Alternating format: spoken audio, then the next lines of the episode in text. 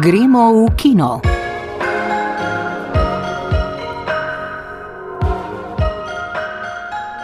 Lepo zdrav. V današnji vdaji se bomo pogovarjali z Amirjem Muratovičem, čigar novi film Temni pokrov sveta bo v nedeljo premjerno prikazan na 25. izdaji festivala dokumentarnega filma v Ljubljani. Med drugim bomo razmišljali tudi o dokumentarcih Huberta Sauperja, ki si jih lahko prav tako ogledamo na festivalu, in o še enem festivalu dokumentarnega filma, ki se pravkar odvija namreč v Solunu. Poleg tega se bomo seveda ozrli k favoritom za letošnje Oskarje.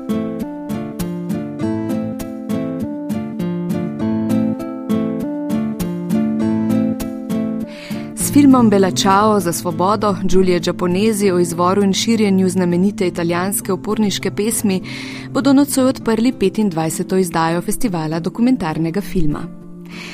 Film je uvrščen v sklop Miti ikone mediji, ki je posvečen tistemu, kar družbo tako ali drugače navdihuje ali celo obseda.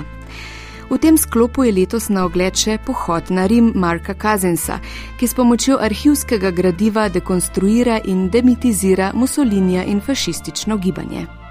Tretji film pa je švicarski, dekliška druščina pa sledi 14-letni berlinski vplivnici, katere spletna podoba je postala družinski posel.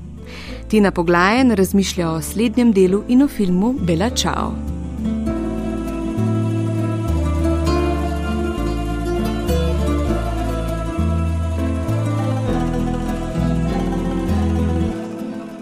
Besedila pesmi, ki jo povezujemo z italijanskim antifašističnim gibanjem, ne poznajo le italijani, pojejo jo po vsem svetu.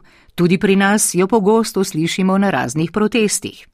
Tudi, če ne poznamo besedila, ki pripoveduje o napadalcu, o partizanih in o tem, da bo na partizanovem gorskem grobu zrasla čudovita roža, zagotovo poznamo melodijo in njen spevni refren. Prevedli so jo v številne jezike, ne le v evropske, temveč v jezike vsega sveta. Bela Čau je imela oziroma ima pomembno vlogo v dan današnjih odporniških gibanjih, naprimer pri revoluciji v Rožavi, ki jo je sprožilo kurdsko osvobodilno gibanje, ko je stopilo na pot demokratične avtonomije. Bela Čau je zadonela z minareto v Izmirju v zahodnji Turčiji in s tem sprožila jezo konzervativne oblasti. V Italiji je v obdobju Berlusconijeve vlade ta pesem na javnih koncertnih izvedbah izražala kljubovanje njegovi politiki.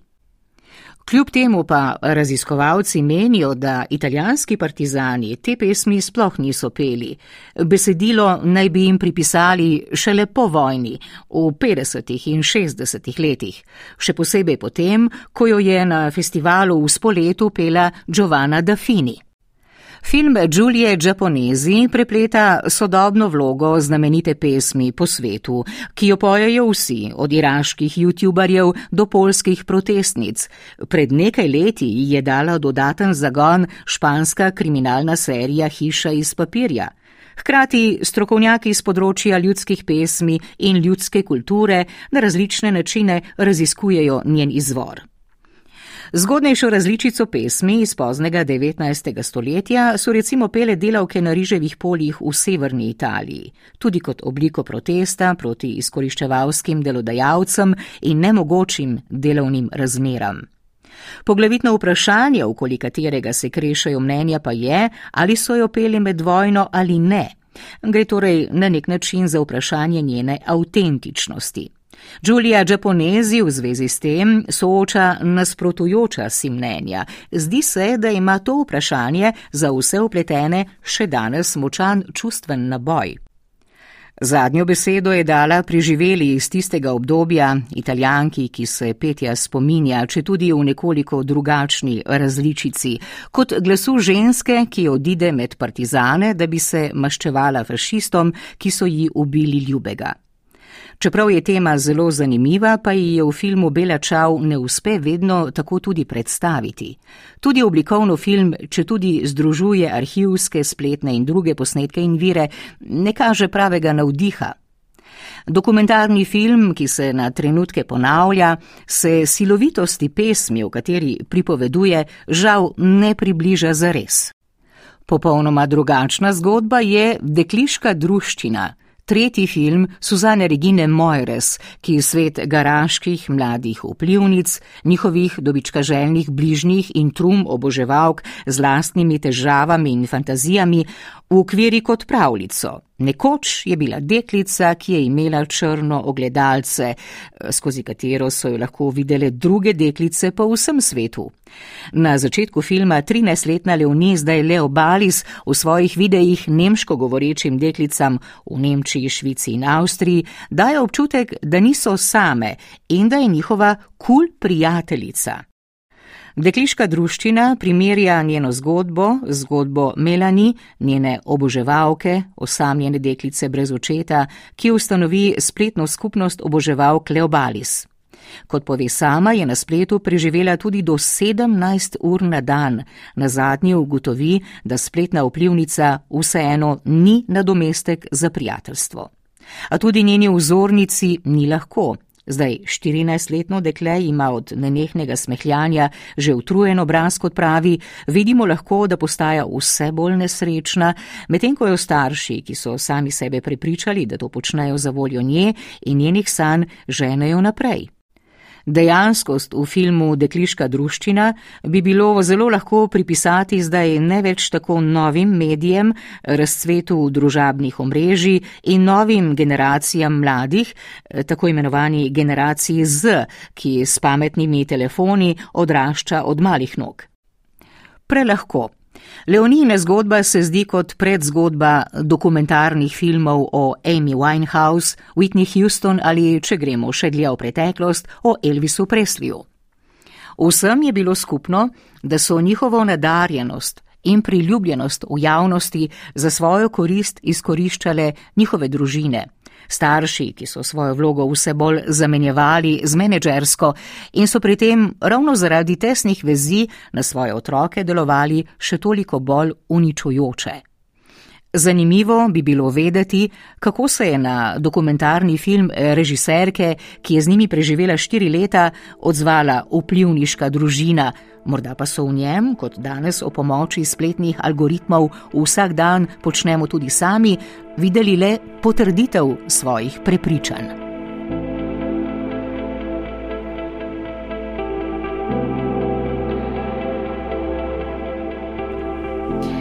Festival dokumentarnega filma v Ljubljani bo trajal do prihodnjega petka, ko bodo podelili nagrado Amnesty International Slovenije za najboljši film na temo človekovih pravic.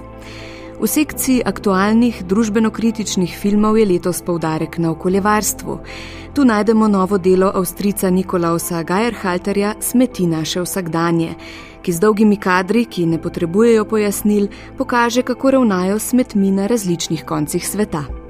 Vse, kar diha šavna kasena v vizualno izpiljenih podobah, pove zgodbo o bratih, ki v New Deliju, enem od najbolj onesnaženih mest na svetu, rešujeta ptice. Te zaradi slabega zraka množično padajo z neba. Amir Muratovič pa je za svoj novi film z govornim naslovom Temni pokrov sveta, ki bo premjerno prikazan v okviru festivala v nedeljo, spremljal okoljevarstvenega aktivista, letalca in alpinista Mateuža Lenarčiča pri njegovih meritvah črnega oglika, enega od najpomembnejših dejavnikov onesnaženosti zraka. Povedal je, kako se je začela zgodba tega filma. Direktor fotografije Rado Likon, s katerim sva sodelovala pri filmu o Cankarju, je že od leta 11 spremljal Mateuža, bil je zagledan v ta njegova potovanja, v to letenje in se je poskušal na vsak način eh, prideti do kakšnih sredstev, da bi v neki resni produkciji to izvedel in potem se, se, se jaz ponudil, da mu pomagam in sva prijavila film na dva razpisa in dobila nekaj denarja, da smo to lahko speljali. Seveda najbolj je rado ta bilo strah, kako bo me sprejel Mateuš, ki je zelo samo svoj človek. In na srečo se je izkazalo, da ima z Mateužem veliko skupnih točk in me je sprejel. In se je ustvarilo eno posebno zaupanje med nami, ki smo bili v bistvu vsa ekipa. Ne? Mi trije smo bili tisti, ki smo praktično eh, potovali na okrog, eh, snemali po Sloveniji in pravzaprav je film nastal v tej zelo mini, mini ekipi To pa je omogočalo, da se lahko prilagodimo situaciji in rečemo, da čez tri dni gremo lahko tja in tja. Ne? Omenili ste, da ste za film veliko potovali. Kaj pa je bil največji izziv pri ustvarjanju tega filma? V resnici ni bilo toliko veliko potovanj, z izjemo, da sva z Radotom šla posnet neke znanstvene analize v Milano in da smo vsi trije, Mateoš z avionom in dva z avtom, šla v Sarajevo, ki je včasih najbolj onesnaženo mesto na svetu. Uh, smo šli samo na dve še ostali destinaciji, najprej v Butan, ker si je zelo želel Mateoš, ker ga je zelo privlačil ta način razmišljanja butanske vlade, butanskega kralja, kjer gre za to idejo indeksa sreče. Ne? Oni ne merijo uspešnosti svoje države po bruto družbenem proizvodu, ampak po bruto družbeni sreči, ne? kjer je pomembno, koliko so ljudje zadovoljni s svojim življenjem, koliko se vključujejo v kulturo, koliko se vključujejo v skupnost, predvsem pa tudi ekološke trajnostne zadeve. Recimo oni imajo v ustavo zapisano, da mora ostati najmanj polovico dežele Butan gost. No in druga destinacija je bila pa Patagonija, kjer pa se je meni zdelo pomembno, da gremo, ker malo kdo ve, da je Matevž eh, skupaj še z dvema svojima eh, kolegoma bil prvi v Jugoslaviji, ki se je povzpel na res eh, neosvojljive vrhove Čerotore in Fitzroy. Tudi z, z letalom svojim je že šel tja in tam spoznamo uh, glaciologa Petra Skvarčo, ki nam pa pove nekaj resnic o taljenju ledenikov.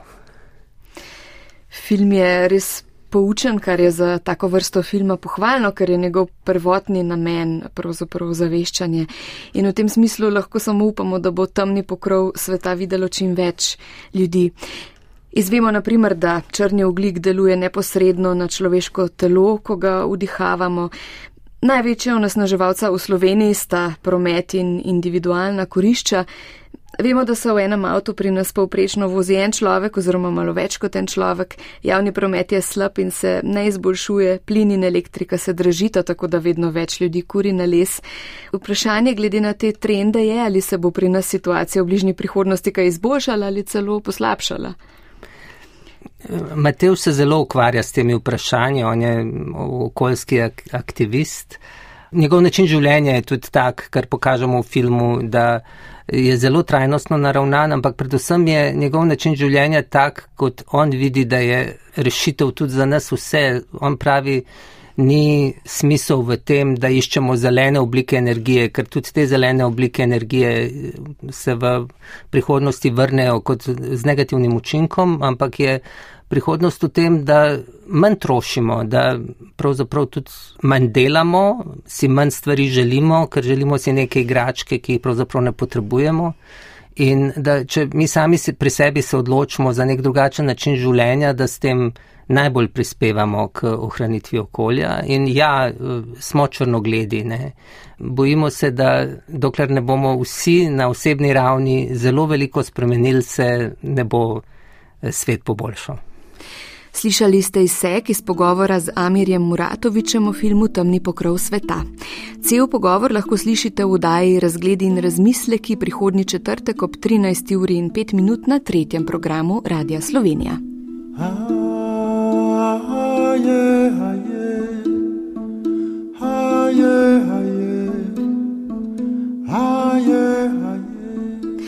Avstrijski filmar Hubert Sauper je velik del svoje filmske kariere posvetil razkrivanju, kako sodobna kolonizacija, hlepenje po dobičku in vojne najedajo Afriko.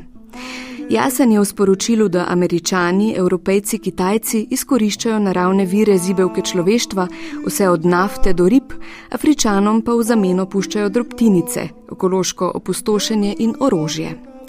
V retrospektivi 25. festivala dokumentarnega filma, ki so jo posvetili Sauperju, si bomo lahko ogledali štiri njegova dela: Dnevnik iz Kisanganija, Prihajamo v miru, Darvinovo nočno moro in Epicenter. Žiga Bratoš. Hubert Sauper, znan po političnih dokumentarcih v slogu Cinema Verite, s kamero neposredno vstopa v dogajanje. Pa vendar ni le muha na stropu. Druži se z ljudmi, jih sprašuje, provocira, postavlja na laž. Na koncu sami povejo zgodbo. To ni zgolj še en pogled belega človeka na Afriko, je zapisal francoski filmar in antropolog Jean Rouge ob filmu Dnevniki iz Kisanganja iz leta 1998. Dogajanje je postavljeno v bližino mesta, kjer se je po genocidu v Ruandi leta 1994 znašlo tisoče beguncev. O humanitarni katastrofi je svet molčal. Sauper se je znašel v sredi masakra, ki ga ni pričakoval, rezultat pa je ekstremen film, ki priča tudi o njegovih strahovih in zbeganosti. South Sudan has now formally declared its independence. Sauper lovi razmerje med razsežnostjo problema in posameznikom. O pogledih na stotine do kosti izheranih in ušesa parajočih, kašljajočih teles, ki postajajo številke, nas vrača k posamezniku. Človeka pokaže s čustvi, hotenji in občutek dobimo, da smo tam, pride povsem blizu obraza, s kamero pogleda globoko v oči. Ob tem pa, kot rečeno, gradi sistemsko sliko dolgoročnosti posledic korupcije, v katero so upletene korporacije, politika in prebivalstvo pahnjeno v suženski odnos. Po filmu prihajamo v miru o situaciji v Sudanu, ki ga je Hubert Sauper snemal kar šest let, je za LMU šolo filma in televizije v Los Angelesu povedal, da bi ustvarjanje dokumentarcev lahko označili kot umetnost informiranja. Cinema je art form, ampak of course it contains so many different types of crafts. It contains, you know, uh, Film je umetniška forma, zahteva pa seveda številne veščine, vse od literarnih do novinarskih, znanstvenih, antropoloških. Ugotoviti poskušaš, kaj za vraga ljudje počnejo in zakaj, pa tudi kako neka skupnost razume in razlaga svojo situacijo. Moramo se zavedati, da informacije še niso znanje. Pogoj za ustvarjanje znanja je navdih. To lahko primerjamo z učenjem otrok, ko um in srce spodbujamo z inteligentnimi vprašanji, z iskanjem ozadij in povezav. Film je alkimija govorjenja, zvokov, podob, vsega čudnega, ki se zlije v specifično celoto. Ta je seveda nepopolna, ker nikoli ne predstavi celotne resnice. Če želiš pripovedovati o zapletenosti življenja, ljudi, našega časa, se moraš temu izpostaviti. Vedeti veliko ni vedno enostavna stvar. Sneman svojih prvih filmov v Afriki sem prihajal kdaj tako razsud, da sem si želel, da nikoli ne bi šel. I, I came back in such a, such a terrible state. I wished sometimes not to never have gone, you know.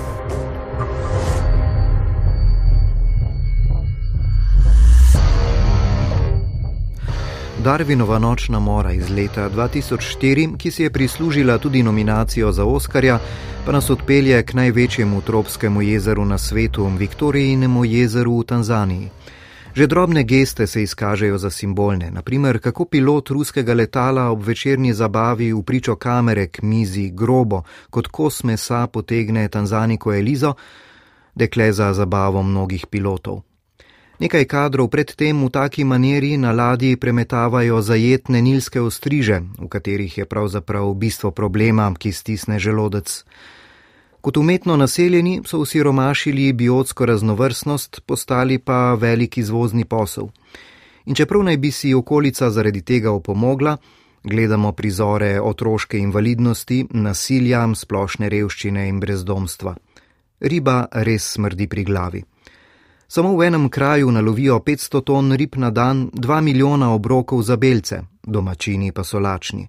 Ulov odvažajo v Evropo, a pon ne pridejo s praznimi letali. Pripeljejo orožje, ki roma v Kongo, Ruando, Sudan.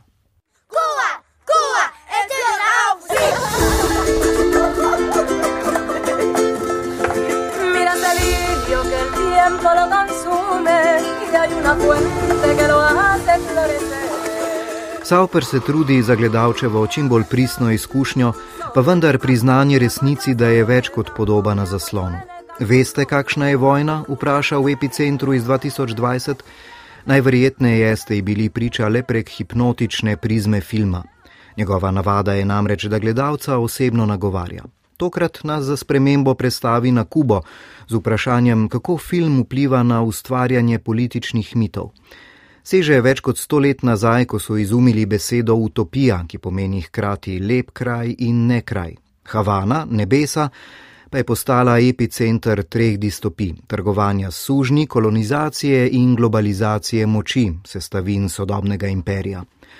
Ameriško vojno Španci in osvoboditev Kube, ki je imela v resnici v ozadju motiv nadzora, so počgale tudi filmske podobe nasilja nad ameriškimi vojaki.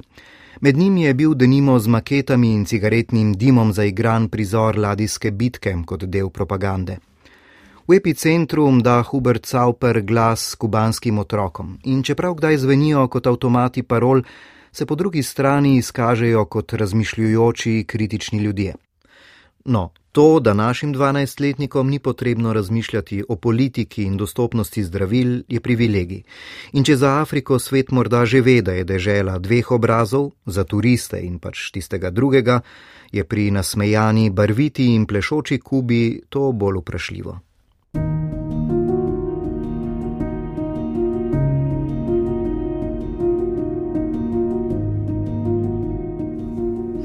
V Ljubljani se torej danes začenja 25. festival dokumentarnega filma.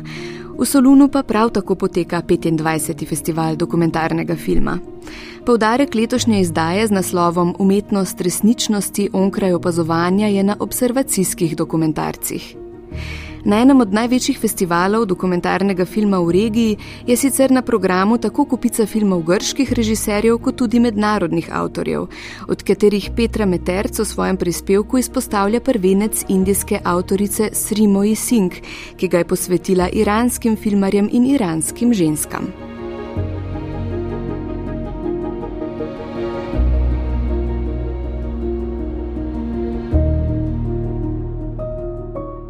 Na festivalu v Solunu se zvrsti observacijskih dokumentarnih filmov posvečajo tako s posebno retrospektivo, pa tudi z izdajo knjige esejev, kjer lahko preberemo tako slovit esej Kolina Younga Observacijski film ter esej Davida McDougala Onkraj observacijskega filma, oba iz leta 1975, kot tudi novejše zapise, ki se posvečajo grškim dokumentarcem in dokumentarcem v retrospektivnem programu v katerem med drugim najdemo Nanuka Severa, Roberta J. Flehartija, pa film Temni dnevi Marka Singerja iz leta 1999 ter Medeno deželo Tamare Kotevske iz 2019 in druge. Filmom ne bi bil skupen pristop, Dejstvo, da so režiserji subjekti, ki jih prikazujejo, preživeli veliko časa, pridobili njihovo zaupanje, jih spoznali do te mere, da so jih lahko s kamero brez poseganja spremljali pri njihovem vsakdanu. V okviru fokusa na festivalu potekajo tudi različne diskusije. Včeraj se je tako odvila okrogla miza z naslovom Etične dileme pri ustvarjanju dokumentarcev. Temo, ki je preredko v spredju diskusij o dokumentarnih filmih. O prikazu odlomkov iz svojih filmov so v svojih pogledih na etično snemanje spregovorili grški dokumentaristi Stavros Psilakis, Kimon Cakiris in Marko Gastine ter Katarina Patroni in Marijana Ekonomu. Medtem ko se nekaterim odgovorcev ne zdi sporno, da si za voljo interpretacije resničnosti na filmu dovolijo posege v snemano dogajanje ali pa določene dogodke celo ustvarijo, torej prosijo svoje subjekte, da jih za njih odigrajo, se drugim to ne zdi sprejemljivo in se, da ne bi zavajali gledalcev, ter zaradi odgovornosti do subjektov, vzdržijo poseganja do te mere, da svojim subjektom ne postavljajo niti vprašanj, kaj šele, da bi jih kakorkoli usmerjali. Beseda je tekla tudi o tem, kako različni režiserski prijemi denimo pretirana estetizacija, pa tudi specifična montaža, lahko delujejo manipulativno in ali je torej prikaz resničnosti v dokumentarnem filmu zgolj režiserjeva interpretacija, celo invencija. Katarina Patroni denimo pravi, da pri ustvarjanju dokumentarcev nima težav s tako imenovanim prestopanjem meja, saj da včasih kot režiser to moraš storiti ravno zato, da gledalcem preneseš svojo resnico. Pravi, da je tisto, kar je za njo najbolj pomembno, film kot umetniška stvaritev, pri tem pa ni nujno, da si zavezan resnici, temveč tistemu, kar je pomembno zate kot ustvarjalcu. Nasprotno je Marko Gastine dejal, da se pri svojem ustvarjanju drži treh načel: da ne škodi ljudem, ki jih snema, da ne izkoristi njihove nedolžnosti, ter da ne vara gledalcev. Svoje filme snemanim subjektom pokaže po narejeni montaži, s čimer tvega, da bodo zavrnili celoten film, a je mnenja, da brez njihove odobritve filma ne bi želel zaključiti. Diskusija se je dotaknila tudi situacij, ko so režiserji na raznih filmskih trgih primorani svoje dokumentarce na tako imenovanih pitchingih za pridobivanje sredstev predstavljati z vnaprej zamišljenimi scenariji, pa čeprav ne morejo vedeti, kaj se bo ob snemanju zares dogajalo. Pogovarjali pa so se tudi o samih odnosih do snemanih subjektov in o situacijah, v kateri bi sami kot režiserji kamero odložili in nekomu, ko je to potrebno, pomagali, namesto da ga snemajo v težki situaciji. Tudi indijska režiserka Srimo Jesink je morala pri ustvarjanju prvenca z naslovom Proti srečnim ulicam veliko pozornosti posvetiti odgovornosti do tistih, ki jih je snemala. Protagonisti njenega filma, ki je na programu s festivala v Solunu, so namreč pogosto preganjani iranski režiserji, kot sta Džafar Panahi in Mohamed Širvani, pa tudi borke za človekove pravice in pravice žensk, da nima aktivistka Nasrin Sotudeh. Singh, ki jo je za iransko filmsko kulturo navdušila poezija pesnice in režiserke Furuk Farokzad, se odpravi v Iran, kjer številnimi intervjuji odkriva vsakdan družbeno kritičnih ustvarjalcev in iranskih žensk. Celoten film pa deluje kot nekakšno ljubezensko pismo iranskemu filmu in poeziji. O tem, kaj jo je navdahnilo za dokumentarec, Singh. I was studying film studies Študirala sem filmske študije, izbrala sem modul svetovne kinematografije, ki je bil posvečen iranskemu filmu. Predvajali so nam filme iranskega novega vala. Prvi film, ki sem si ga ogledala, je bil Beli balon Džafarja Panahija, na to pa sem si ogledala nekaj filmov Kjerostamija in na to Makmalbafa. Ob filmih so nas učili tudi poezije feministične pesnice Foruk Farokzad, ki je pisala v 60-ih letih prejšnjega stoletja v Iranu. Njeni verzi so imeli name močan vpliv. Forokzad je vplivala na cele generacije žensk, pa tudi na omenjene filmske ustvarjalce novega vala. Vse je navdahnila njena poezija in njen prvi film Hiša je črna. Mene so njeni verzi navdahnili do te mere, da sem jih želela prebirati v perzijskem izvirniku. Filmi in poezija so me skupaj zelo navdušili in želela sem izvedeti več o tem. Pravzaprav sem želela vedeti čisto vse o tem. Sink je pisala doktorsko nalogo o notranjem izgnanstvu iranskih filmarjev fenomenu, ko je režiserjem, kot denimo Džafarju Panahiju, prepovedano filmsko ustvarjanje v matični državi, obenem pa ima tudi prepoved zapuščanja države, zato pravzaprav lahko ustvarja le na skrivaj, njegove filme pa lahko vidijo le gledalci v tujini, ne pa doma. O pisanju doktorske naloge se je režiserka usporedno lotila tudi dokumentarnega filma in tako združila svoje zanimanje za iranski film, pa tudi za usodo iranskih žensk. Kmalu sem se odločila, da ne morem le pisati doktorata v Indiji in da moram v Iran. Želela sem iti tja in razumeti, kako ti filmski ustvarjalci, ti umetniki in pesniki v Iranu ustvarjajo zgodbe, ki slavijo življenje in nudijo upanje kljub omejitvam, kljub cenzuri. In to je bila tista radovednost, ki me je pripeljala v Iran. Festival dokumentarnega filma v Solunu se bo zaključil v nedeljo, še prej pa bodo objavljene nagrade poimenovani Zlati Aleksandri. Zaključne slovesnosti s podelitvijo nagrad letos ne bo, saj so se organizatorji festivala odločili, da v luči žalovanja po nesreči vlaka med Atenami in Solunom pred tednom in pol odpovejo vse slavnostne in družabne prireditve.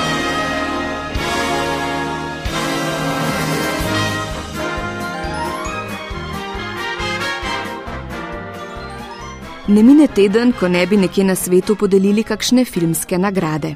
Toda nagrade, ki jih bodo podelili ta konec tedna, so še vedno najbolj prestižne in najbolj zaželene.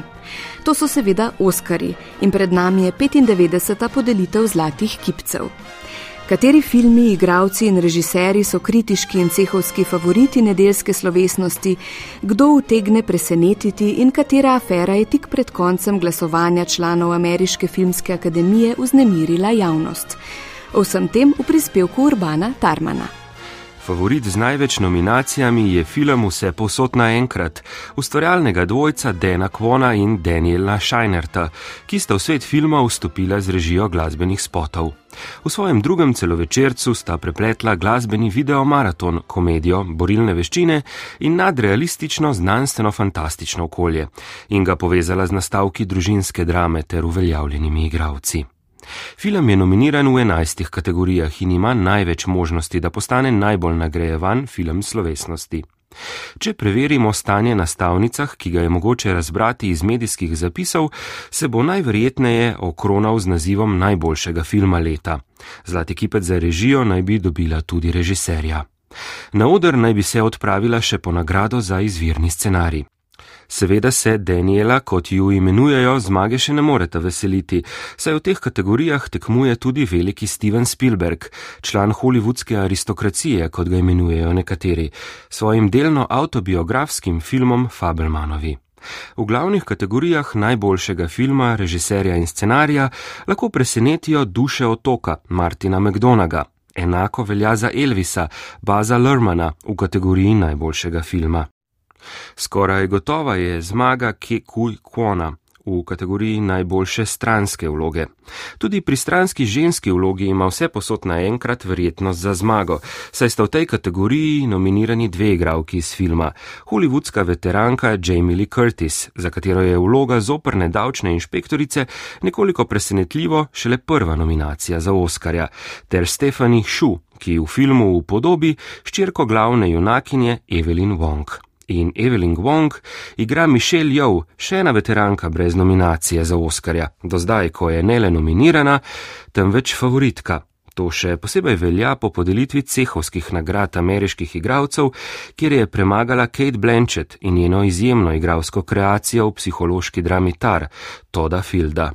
Upoštevati je treba namreč dejstvo, da je igralski ceh med člani akademije najštevilčnejši, seveda pa je možno, da so igralci, kar se tiče Oskarjev, glasovali drugače. Blanchett je za vlogo v Taru letos že prejela kopico nagrad, med drugim v Benetkah, Bafto in Zlati globus ter cel šopek kritiških nagrad, a vendarle se zdi, da je pri gledalcih bolj priljubljena igralska in ustvarjalna zasedba filma vse povsod naenkrat. To kažejo tudi podatki o blagajniških izkupičkih obeh filmov. Vse povsod naenkrat je zaslužkar z več kot stotimi milijoni dolarjev, medtem ko je Tar imel nekoliko večji uspeh v evropskih kinih, v Združenih državah Amerike pa ne. Po svetu je zaslužil petkrat manj kot filmska več vesolja Danielov. Scenarist in režiser Todd Field kotira nekoliko slabše od glavne igralke iz filma. Tar je nominiran v najprestižnejših kategorijah za najboljši film, izvirni scenarij in režijo, vendar ne velja za favorita v nobeni od kategorij. Omeniti je treba, da je vse povsod naenkrat slavil na tako imenovanih velikih štirih stanovskih nagradah v Združenih državah Amerike, medtem ko sta si Kate Blanchett in Michelle Yeoh razdelili Zlata globusa, Blanchett za najboljšo glavno igralko v drami, Yeoh v komediji.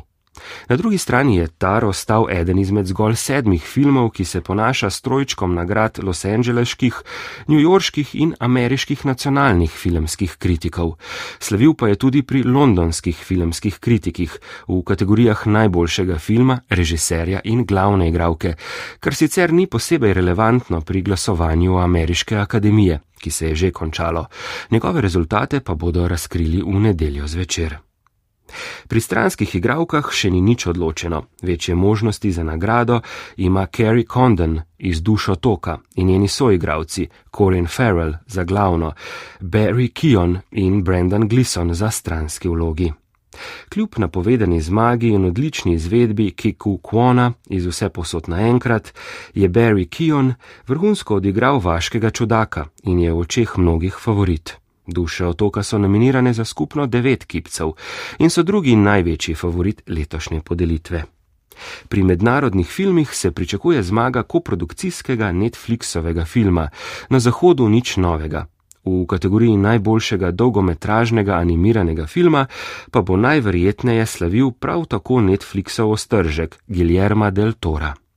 Naj dodam, da v kategoriji dokumentarnega filma tekmuje film Hiša iz Trsk, ki si ga bomo v Sloveniji lahko ogledali še pred podelitvijo Oskarjev in sicer na festivalu dokumentarnega filma v Cankarevem domu v Ljubljani.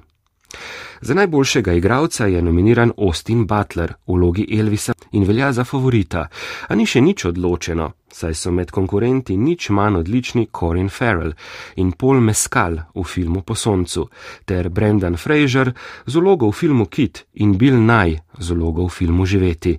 In prav vsi omenjeni so zaenkrat še brez najelitnejše trofeje. V vodu v prispevek smo omenjali škandal.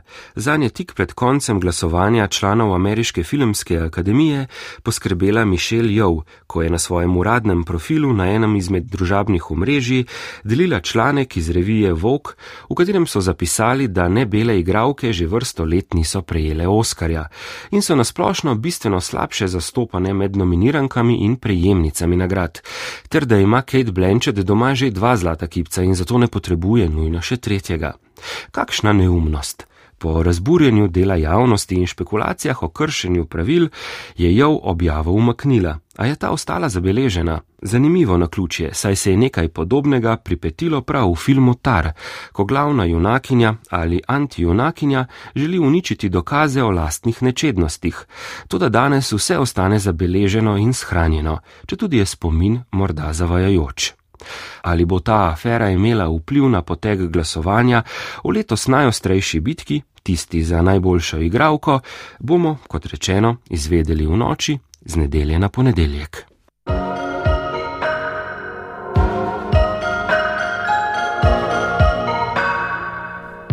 In to je vse za danes v oddaji Gremo v kino.